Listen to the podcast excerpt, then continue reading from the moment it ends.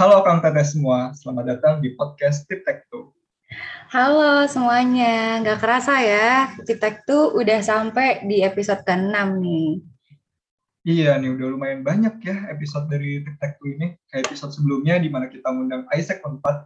Dan pastinya episode 6 ini bakal-bakal kalah berkesan dari yang udah-udah. Karena bakal ditemenin sama aku, Zaidan, dan sama aku juga, Sila, sebagai host kali ini. Nah, tapi yang bikin Tip tuh keren tuh narasumbernya nggak sih, Kang? Iya dong, makanya kali ini kita juga kedatangan narasumber yang kerennya udah nggak bisa diraguin lagi buat sharing sama kita. Nah, karena pasti pendengar kita juga udah kepo nih, Kang. Kita nggak usah berlama-lama lagi nih. Spill aja deh, Kang, kita kedatangan siapa? Oke, hari ini kita kedatangan Kak William Samuel yang merupakan salah satu dari Project Officer yang Leaders for Indonesia. Wah keren banget gak sih Kang? Kita langsung sapa aja kali ya. Halo Kak Will.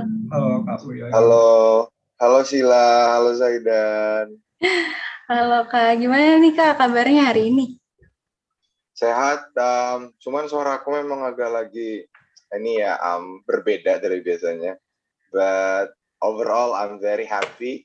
Senang banget bisa ngasih banyak apa ya informasi ya dan mengenalkan ke teman di Unpad sendiri mengenai nanti WLA itu apa gitu. Oke Kang, nggak apa-apa Kang, walaupun uh, lagi agak uh, serak ya suaranya, tapi nggak apa-apa. Kita semu uh, semoga diberi kesehatan ya Kang ke depannya. Dan karena kondisi kita lagi pengen prima nih untuk kepo-kepo, langsung aja nih Kang Zaidan dikepoin Kawil dan uh, Waya lainnya. Ya, bener banget sih. Sebenarnya nih aku dan para pendengar Kiptek tuh udah sering lihat dan kepo nih terkait organisasi yang Leader Sport Indonesia. Karena sering muncul di sosial media, baik di Instagram atau di LinkedIn. Nah, untuk lebih detail ya, sebenarnya yang Leader Sport Indonesia tuh organisasi apa sih, Kak William? Okay. um, jadi sebenarnya um, Young Leaders uh, for Indonesia itu basicnya adalah yayasan ya kita uh, or we can say it's a foundation um, but tapi mungkin yang uh, mungkin Zaidan ataupun Sylvia Sylvia tahu di sini yang lebih banyak tahu orang adalah programnya. Nah program kita itu ada yang namanya um, Young Leaders for Indonesia nasional. Um, itu sendiri merupakan program untuk uh, pengembangan mahasiswa-mahasiswa, uh, terutama mahasiswa Indonesia ya, yang ada di Indonesia maupun di luar sana untuk menjadi generasi uh, pemimpin selanjutnya di Indonesia ini sendiri.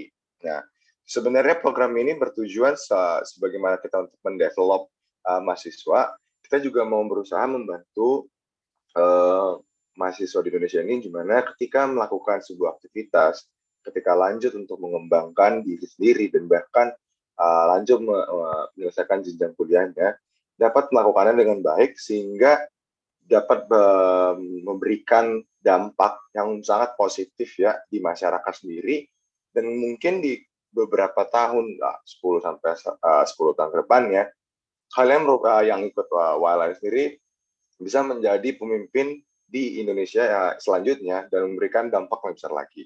Dan begitulah um, itu merupakan program kita ini, Zaidan.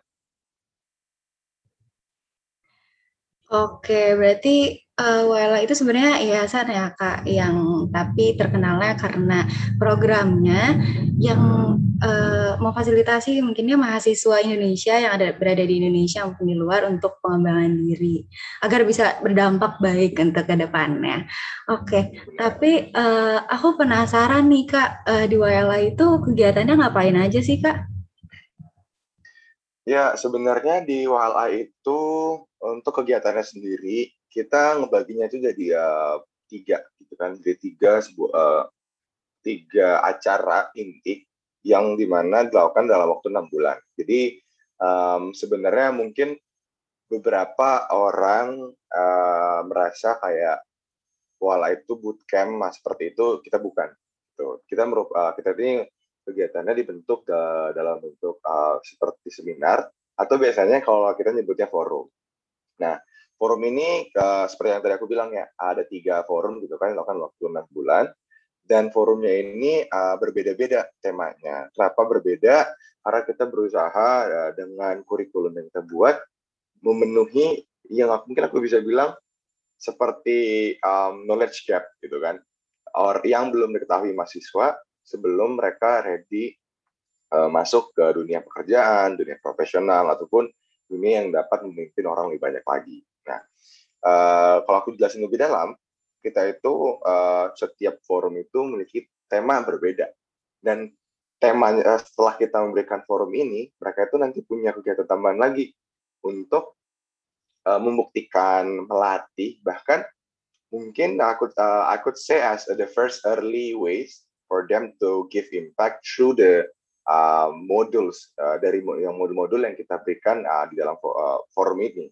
Nah, forum pertama aku waktu bilang temanya mengenai uh, memimpin diri sendiri atau lead self, gitu kan? Di mana mereka nanti bakal dilatih dengan modul untuk um, problem solving, terus juga gimana caranya memimpin diri sendiri, like how to get to know about yourself, gitu kan? Lalu juga um, gimana caranya untuk uh, tahu nih, misalkan di, di masa sekarang, um, how to utilize um, the usage of uh, digitalisasi ataupun um, teknologi untuk menem, uh, melakukan kegiatan sehari-hari gitu kan. Bahkan like uh, to create your own vision uh, sebagai mahasiswa di 5 sampai 10 tahun ke depan uh, maybe uh, it maybe it's a time when you already achieve um, like one of the biggest um, career in your life atau bahkan di, ma di masa kalian tuh um, pengalamannya sudah sudah matang dan kalian siap untuk memimpin orang lain di sana kayak gitu Nah, that's the, the first forum gitu kan. Uh, sebelum kita lanjut ke forum 2, di sini di tengah-tengah itu nanti ada assignments. Nah, in here we call it a personal leadership project in which um, bentuknya seperti project partisipan dari Wala ini sendiri akan uh, melakukan sebuah uh, identifikasi masalah uh, yang terjadi di sekitar mereka, mau itu um, secara lokal uh, basisnya ataupun skalanya hingga um, nasional gitu kan di Indonesia and then through mereka setelah dilatih yang uh, pada forum saya tadi itu menggunakanlah kemampuannya to actually creatively produce a solution create something yang bisa uh, menyelesaikan masalah uh, di, uh, di sekeliling mereka ini. Mereka ini punya waktu dua uh, sampai dua um, sampai um, hampir tiga bulan gitu ya untuk melakukan ini. Tapi satu hal yang menarik di sini adalah mereka nggak melakukannya sendiri. Mereka itu uh, melakukannya memang benar akan nanti melakukannya secara uh, pekerjaan masing-masing, but uh, they are going to be equipped atau dibantu oleh mentor yang merupakan alumni-alumni WLI yang sudah uh, berpengalaman uh, di bidang mereka masing-masing. Nah, kita itu alumni sendiri, kita punya hampir uh, seribu. Kebetulan tahun ini um, angka jumlah partisipan mencapai 900, and mostly they are always keen to support and uh, participate in development of the next uh, participants of wildlife. Nah, makanya uh, dengan mereka bantu ini, maybe they will give you the helps uh, to understand further how to solve the problems yang mau uh, partisipan kita tackle di uh, project ini. Nah, itu barusan itu assignment yang uh, pertama di dalam program kami. Yang kedua, uh, pada saat forum 2 ini kita mulai masuk ke tema yang baru yang namanya tema Alit Team. Di mana uh, di sini kita uh, mulai membekalkan uh, partisipannya itu untuk paham mengenai uh, gimana caranya memimpin orang-orang, gitu kan? Uh, mungkin kalau aku bisa bilang, um, maybe you are uh, participants that uh, experience uh, in organization atau mungkin uh, berpengalaman untuk uh, bekerja dalam tim, gitu kan? But then masih ada uh, cara yang uh, I could say ways to develop further to build a high performing team. Seperti itu.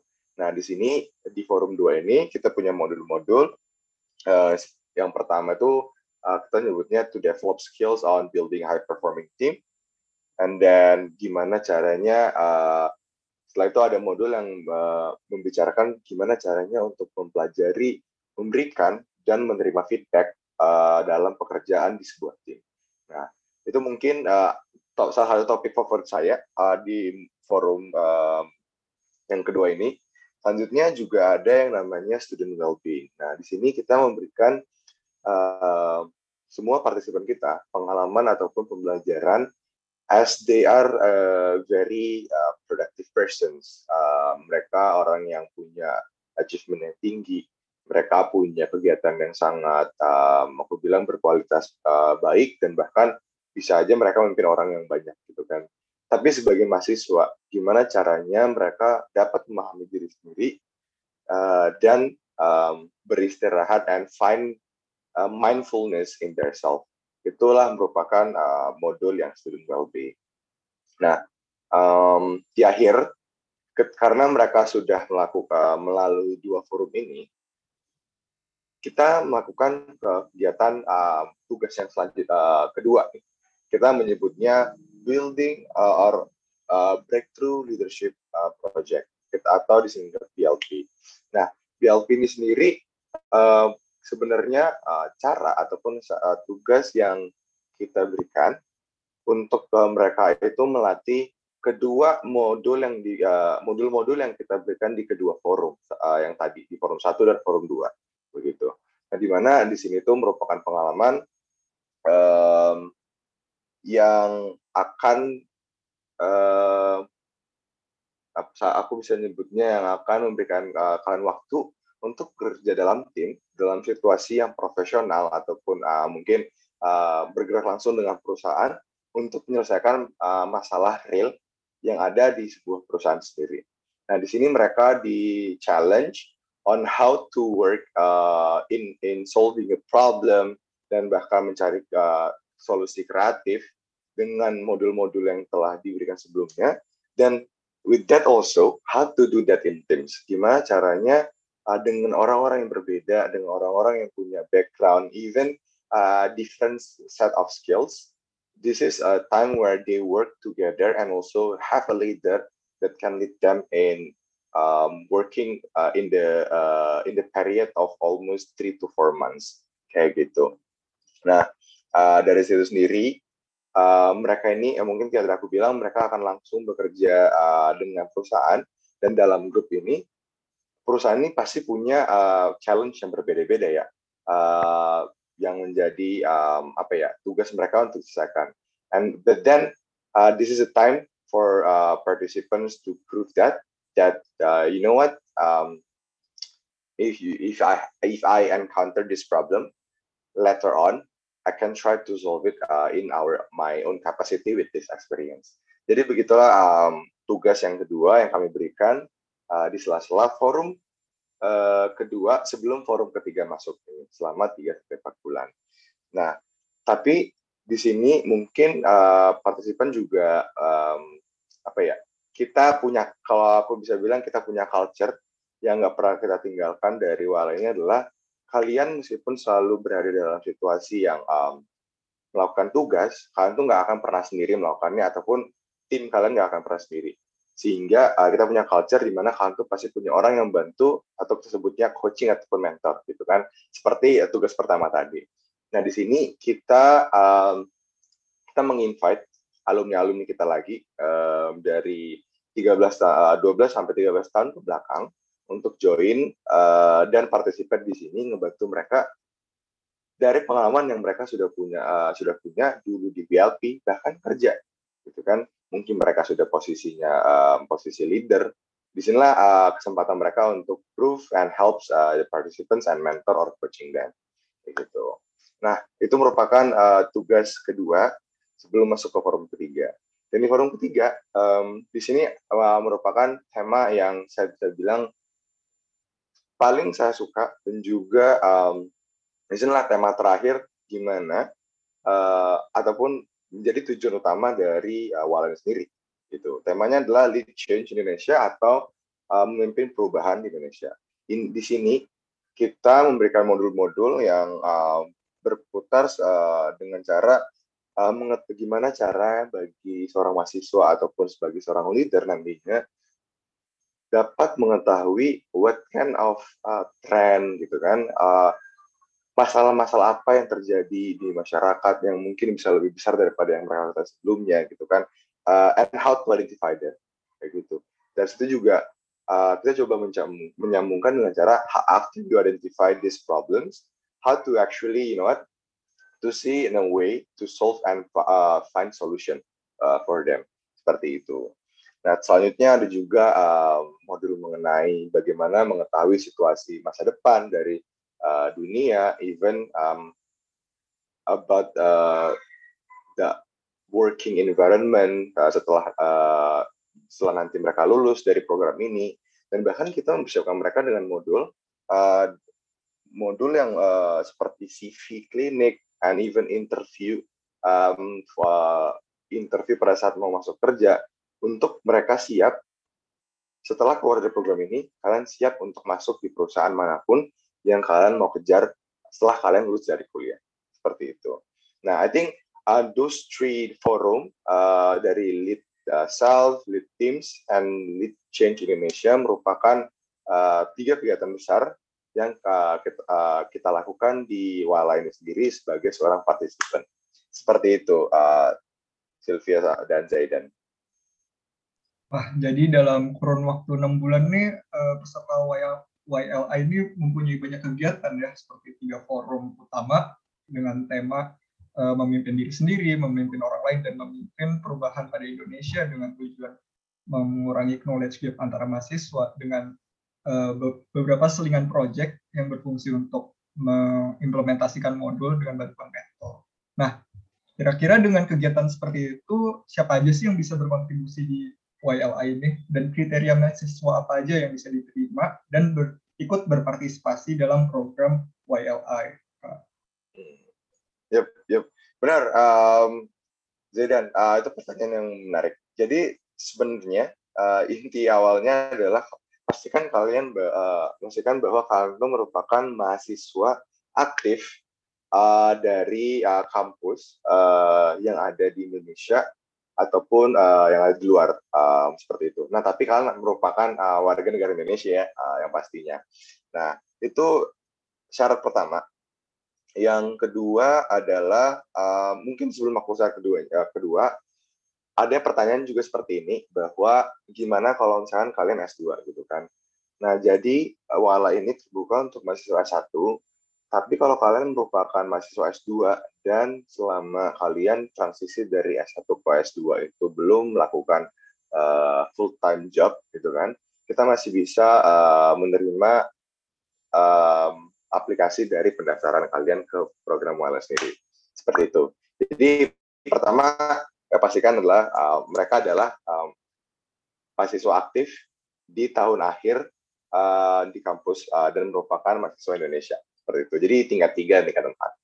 Nah, yang kedua yang kita lihat adalah uh, kemampuan mereka dalam arti uh, kita melihat um, GPA atau uh, IPK seperti itu ya. Kita tuh punya minimal IPK sebesar um, 3,3 da, untuk mengetahui kemampuan kalian uh, bagaimana uh, uh, seperti di kuliah seperti itu kan ya itu yang nomor dua yang ketiga yang pasti adalah pengalaman uh, dalam berorganisasi nah uh, pengalaman dalam berorganisasi ini kami uh, mencari orang-orang yang sudah memiliki kemampuan leadership uh, yang uh, sebelumnya itu sudah terjadi gitu kan mau kalian dari level uh, seperti misalnya di organisasi ya um, ada ketua organisasi, wakil ketua, ataupun mungkin level um, head atau manager gitu kan. Itu merupakan uh, contoh-contoh posisi leadership yang kami ataupun aku bisa bilang um, menjadi dasar awal untuk kalian mencoba mendaftar ke program Wala ini sendiri. Nah, selain itu, uh, sebenarnya kami juga melihat um, kemampuan kalian untuk bisa secara fasih untuk berbicara dalam bahasa Inggris gitu ya um, mau itu written ataupun uh, secara verbal untuk berbicara karena program kami uh, di Wallen sendiri dilakukan dengan basis uh, bahasa Inggris uh, dari dari ataupun dalam lingkup enam bulan uh, pelatihan um, ataupun program ini sendiri. Begitu um, Zaidan. Nah tapi mungkin um, untuk aku mau mengemphasize gitu kan ya. Uh, di syarat tadi yang nomor tiga um, di mana di sini itu kami pengen melihat gitu kan. Terkadang orang bertanya um, gimana kalau misalkan GPA ataupun IPK saya ini agak rendah gitu kan.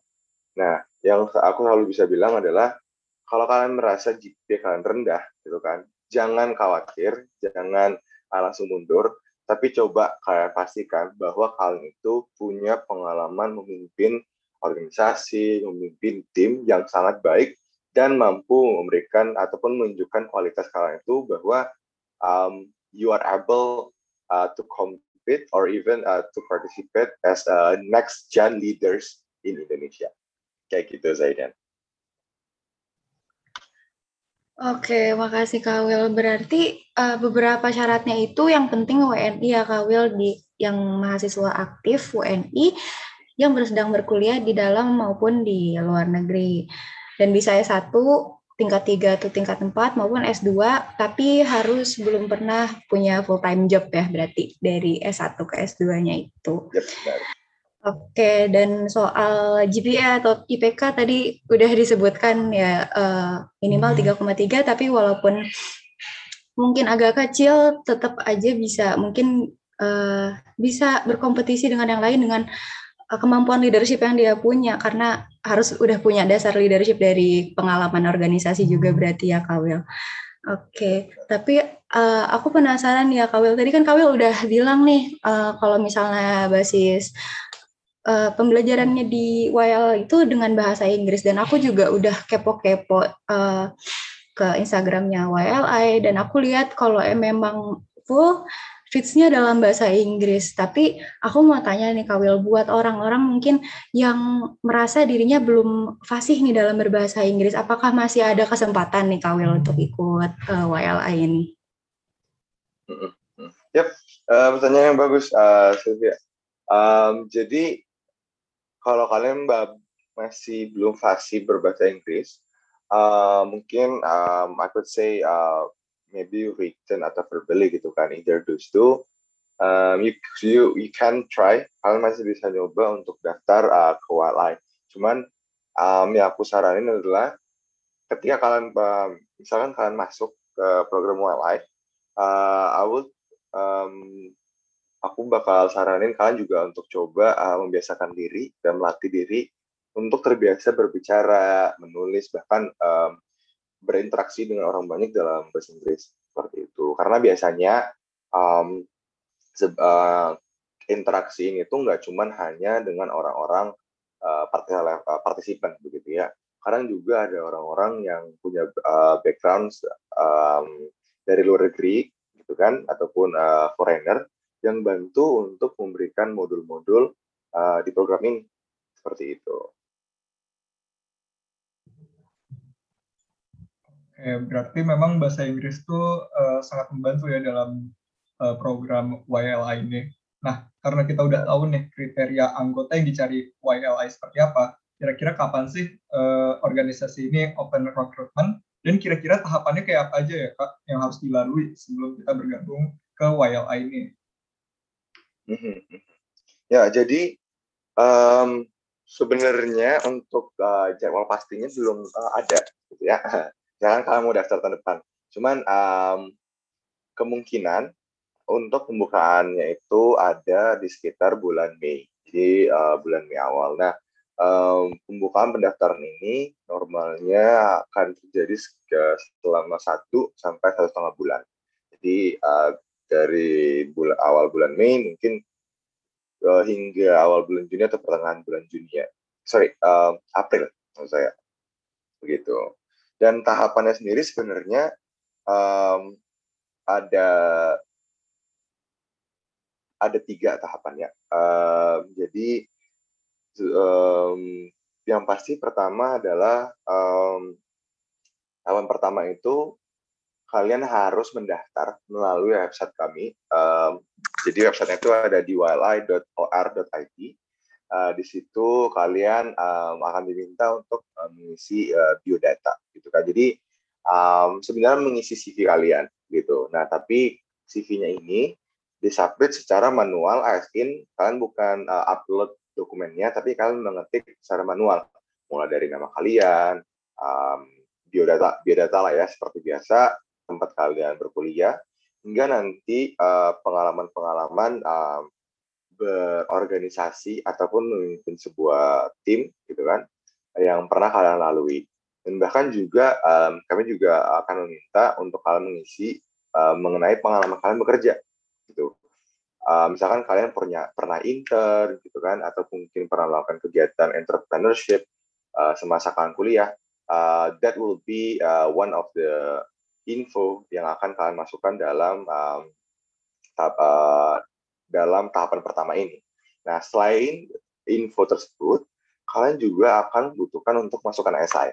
Nah, ini merupakan salah satu yang um, kriteria yang menarik di mana esai ini akan memiliki tema uh, beragam gitu ya, seputar uh, mengenai kepemimpinan juga, uh, yang biasanya tiap tahun uh, bisa aja beda, tapi bisa bisa aja um, sedikit berubah uh, dari tahun sebelumnya, begitu. Nah di sini kalian dibatasin uh, untuk menuliskan lima uh, esai dengan 500 kata saja. Ya mungkin aku ambil contoh ya, uh, kayak tahun lalu uh, um, tema itu memiliki uh, uh, seputar bagaimana uh, memimpin uh, organisasi ataupun memimpin perubahan uh, di sekitar kalian seperti itu. Ya, itu untuk tahap pertama. Untuk tahap kedua sebenarnya ini nanti bakal uh, kita proses um, screening dulu nih uh, dari CV-CV yang masuk uh, yang didaftarkan ke kami. Tahap kedua tuh dari segi partisipan adalah um, interview. Nah, interview ini akan terjadi um, biasanya sekitar 2 sampai uh, 3 minggu setelah pendaftaran uh, program ini itu ditutup. Gitu. Interview ini sendiri untuk mengenal lebih dekat um, partisipan ini dari segi uh, CV yang telah kalian isi um, dan kami terima pada saat kami daftar. Jadi kami akan membahas seperti um, pengalaman kalian itu seperti apa dulu, uh, dan kalian menceritakan lebih dalam bagaimana pengalaman kalian terjadi. Bahkan kami akan juga membahas lebih dalam uh, tentang esai yang kalian tuliskan seperti itu. Mungkin untuk mencari informasi lebih detail lah. Nah, terus kalau memang uh, setelah selesai dari interview ini, uh, terakhir itu adalah tahap uh, penerimaan, di mana kalian akan uh, kami hubungin uh, melalui email dan juga WhatsApp biasanya gitu ya um, untuk uh, nyatakan bahwa kalian diterima sebagai partisipan walai dan kami akan memberikan kalian uh, semacam kontrak untuk kalian pelajari dan tanda tangani sebagai uh, inilah ya uh, administrasi dan legalitas bahwa kalian uh, menerima um, program ini dan melakukan uh, kegiatan selama enam bulan ke depannya seperti itu. Untuk ketiga tahapan uh, seleksi ya dari segi partisipan. Oke, baik Kak. Berarti yang pertama itu pasti daftar dulu ya Kak. Dan yang tadi agak unik nih ya, aku dengar kalau misalnya kita nulis CV-nya nih manual ya, jadi ngetik aja bukan berupa dokumen. Terus berarti bakal ada uh, penulisan esai juga 500 kata, terus uh, bakal di screening dan ada interview. Interviewnya bakal uh, ditanya-tanya lebih dalam tentang CV yang udah kita kumpulin sebelumnya dan juga saya yang udah kita bikin. Betul, Kak? Benar. Iya, oke. Okay. Berarti habis itu baru penerimaan dan uh, ada tanda tangan kontrak ya, Kak. Nah, karena kita udah tahu nih tahapan-tahapannya, uh, aku juga pengen tahu nih, Kak, ada nggak sih tips and trick nih, Kak, buat bisa diterima nih di YLI?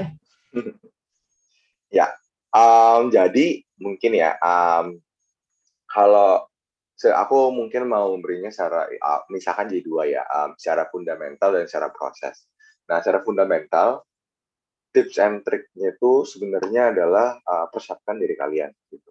Um, yang pastinya karena secara kriteria yang dicari uh, oleh kepala ini adalah orang yang punya pengalaman memimpin dan nanti programnya itu di develop lebih dalam lagi untuk memimpin gitu kan Nah, dengan begitu um, kalau bisa sebelum kalian mendaftar pastikan bahwa kalian tuh pernah uh, sudah uh, istilahnya mengikuti sebuah kegiatan ataupun organisasi dan memiliki um, dan mencapai posisi kepemimpinan yang uh, bisa mengassure bahwa you are leading a lot of people ataupun leading uh, groups yang membuat uh, program ataupun impact yang besar di uh, scope organisasi uh, apa pun itu begitu.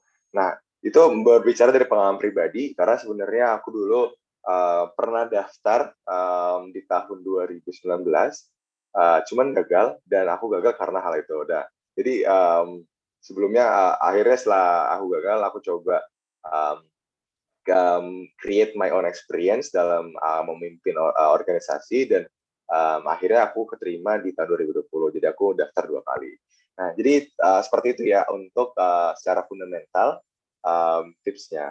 Nah untuk secara proses sebenarnya um, untuk tahapan pertama yang pasti yang paling challenging itu adalah uh, DSI karena di sini kalian hanya punya 500 uh, batasan 500 kata uh, untuk menulis esainya.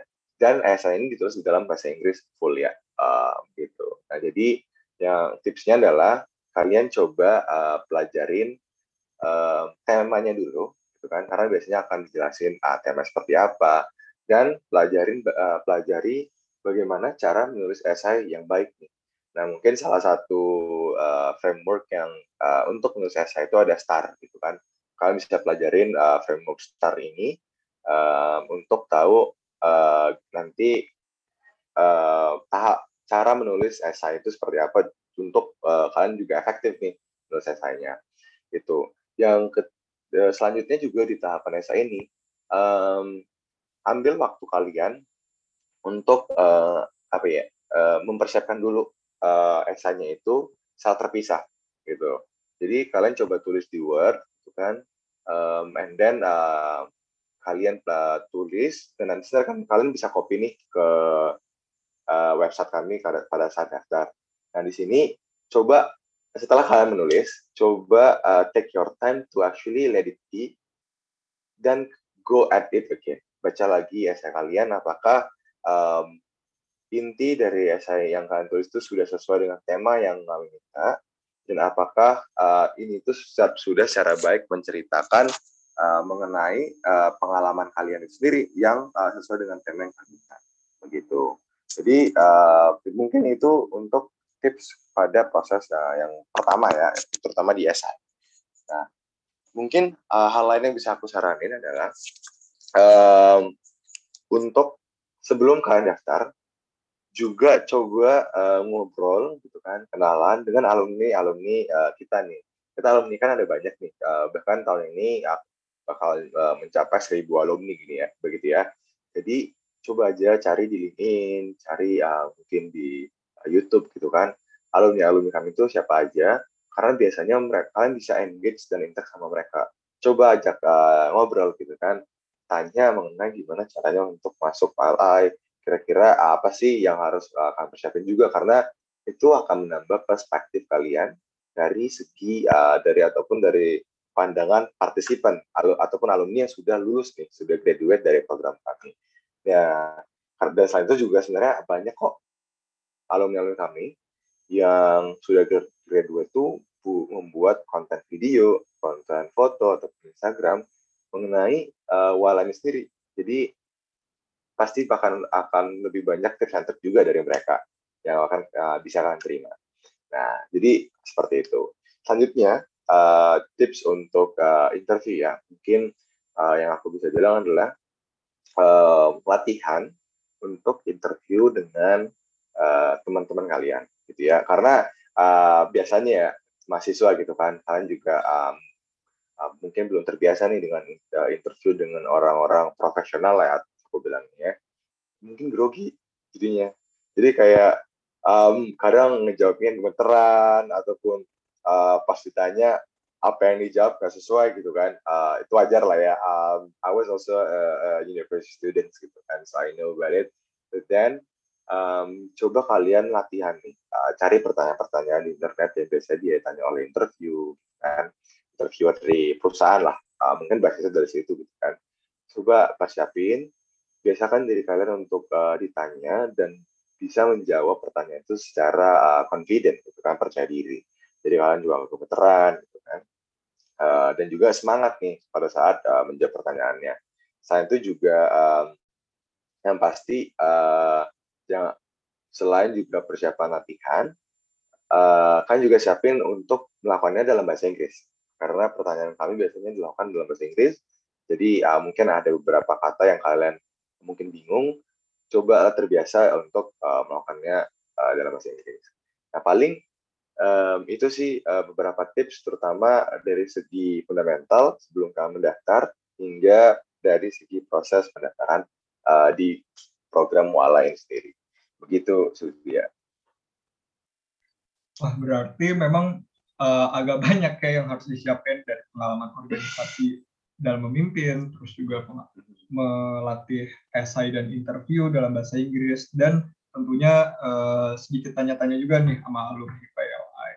Nah, uh, dari dari dari tips and trick tersebut nih, mungkin Kak, untuk pendengar yang masih butuh sedikit dorongan untuk daftar, kira-kira benefit apa aja sih yang bisa didapatkan dengan mendaftar ke program YLI ini, Kak? Hmm, Oke, okay. sebenarnya uh, benefitnya ada banyak gitu ya. Cuman uh, aku uh, maksudnya benefitnya itu uh, dari setiap um, forum, assignment, bahkan setelah kalian kayak gitu uh, bakal banyak gitu kan sebenarnya. Cuman aku coba sum, uh, summarize dalam tiga. Yang pertama adalah kalian tuh bisa uh, akses pengetahuan-pengetahuan, framework, modul, bahkan um, pelatihan leadership, uh, personal leadership skills yang udah disiapin ataupun sudah digunakan oleh perusahaan uh, ataupun di sini uh, kami menyebutnya knowledge partner ada yaitu McKinsey Company Indonesia. Nah, itu yang pertama. Yang kedua, kalian itu punya kesempatan untuk merasakan bagaimana uh, mungkin seperti magang ya uh, bentuknya uh, dan bekerja uh, secara profesional profesional membantu sebuah perusahaan uh, dan juga uh, mengembangkan kemampuan kalian untuk bekerja uh, dalam setting uh, profesional gitu ya dengan perusahaan langsung uh, yang akan dilakukan nanti di tugas yang kedua yaitu uh, breakthrough leadership project. Nah, untuk benefit yang terakhir adalah networking. Nah, ini merupakan uh, benefit yang paling saya suka, uh, di mana kalian itu punya kesempatan untuk ketemu dengan alumni-alumni WLI yang uh, sudah lulus, gitu kan, dan hingga ada yang sudah uh, sudah menjadi pemimpin-pemimpin di luar sana, begitu. Uh, mau uh, mungkin dia sudah menjadi level CEO, gitu kan, uh, sudah di startup, uh, di perusahaan yang um, stable company ataupun uh, di pemerintahan gitu ya. Mungkin kalau kalian pernah dengar kayak uh, Belva dari uh, Ruang Guru, kita ada Iman Usman gitu kan. Um, alumni kita juga ada Hendra Quick yang jadi uh, CEO Payfast dan bahkan uh, ada seperti uh, Putri Komarudin yang merupakan um, salah satu um, anggota DPR RI begitu ya dan mereka merupakan alumni-alumni kita nanti ada waktunya kalian bisa ketemu dengan mereka ngobrol dan mungkin akan tanya jawab gitu ya tentang topik yang mungkin kalian tertarik gitu. Nah jadi itu uh, mungkin uh, tips yang terakhir uh, bukan tips sorry uh, benefit yang terakhir yang mungkin uh, salah satu uh, menurutku secara personal uh, sangat menarik uh, untuk seluruh partisipan uh, itu sendiri. Uh, begitu uh, Zaidan Oke, banyak banget ya Kang uh, ininya benefitnya, mulai dari akses ke knowledge uh, sampai ke networking juga. Memang uh, kegiatan di YLI ini dari tiga forumnya dan uh, sampai assignments-nya juga pasti udah uh, tujuannya tuh memang untuk membawa benefit bagi kita dan uh, untuk ke depannya juga. Nah tapi kan karena sekarang udah pada tahu nih kak uh, benefit dari YLI ini pasti ada dong yang udah tertarik nih uh, buat masuk YLI dan aku mau tanya pesan-pesannya nih kak untuk orang-orang yang udah tertarik untuk join YLI. Oke, okay. um, pesan-pesan dari aku um, sebagai project officer dan juga sebenarnya aku tuh um, merupakan partisipan wildlife tahun lalu juga ya. Uh, jadi aku juga merupakan alumni gitu. Adalah um, kalau kalian merasa uh, kalian itu merupakan mahasiswa-mahasiswa yang ingin gitu ya mengembangkan diri kalian lebih tinggi dan ingin memberikan impact yang besar, nggak cuman dari segi uh, sekitar kalian, nggak cuma dari segi daerah, bahkan kalaupun kalian ingin memberikan impact sebesar skala internasional, coba daftar dan ikut di program Wala ini. Kalau kalian bingung gitu kan, um, kalau kalian bingung gimana caranya, ataupun kalian pengen tahu apa sih yang harus kamu lakukan sebagai um, aku bilang mahasiswa yang tertarik gitu, coba hubungin alumni ataupun hubungin aku. Kalian bisa nyari aku di Instagram, kalian bisa nyari aku di LinkedIn, kalian chat aja, and I will always help everyone that who have the wills to actually create a lot of impact in Indonesia. Gitu, Sylvia. Wah, keren banget nih pesan dari Kak William. Semoga dari pesan yang Kak William sampaikan ini, kita bisa semakin termotivasi ya untuk memberikan perubahan di Indonesia dan tentunya mendaftar ke Young Leaders for Indonesia.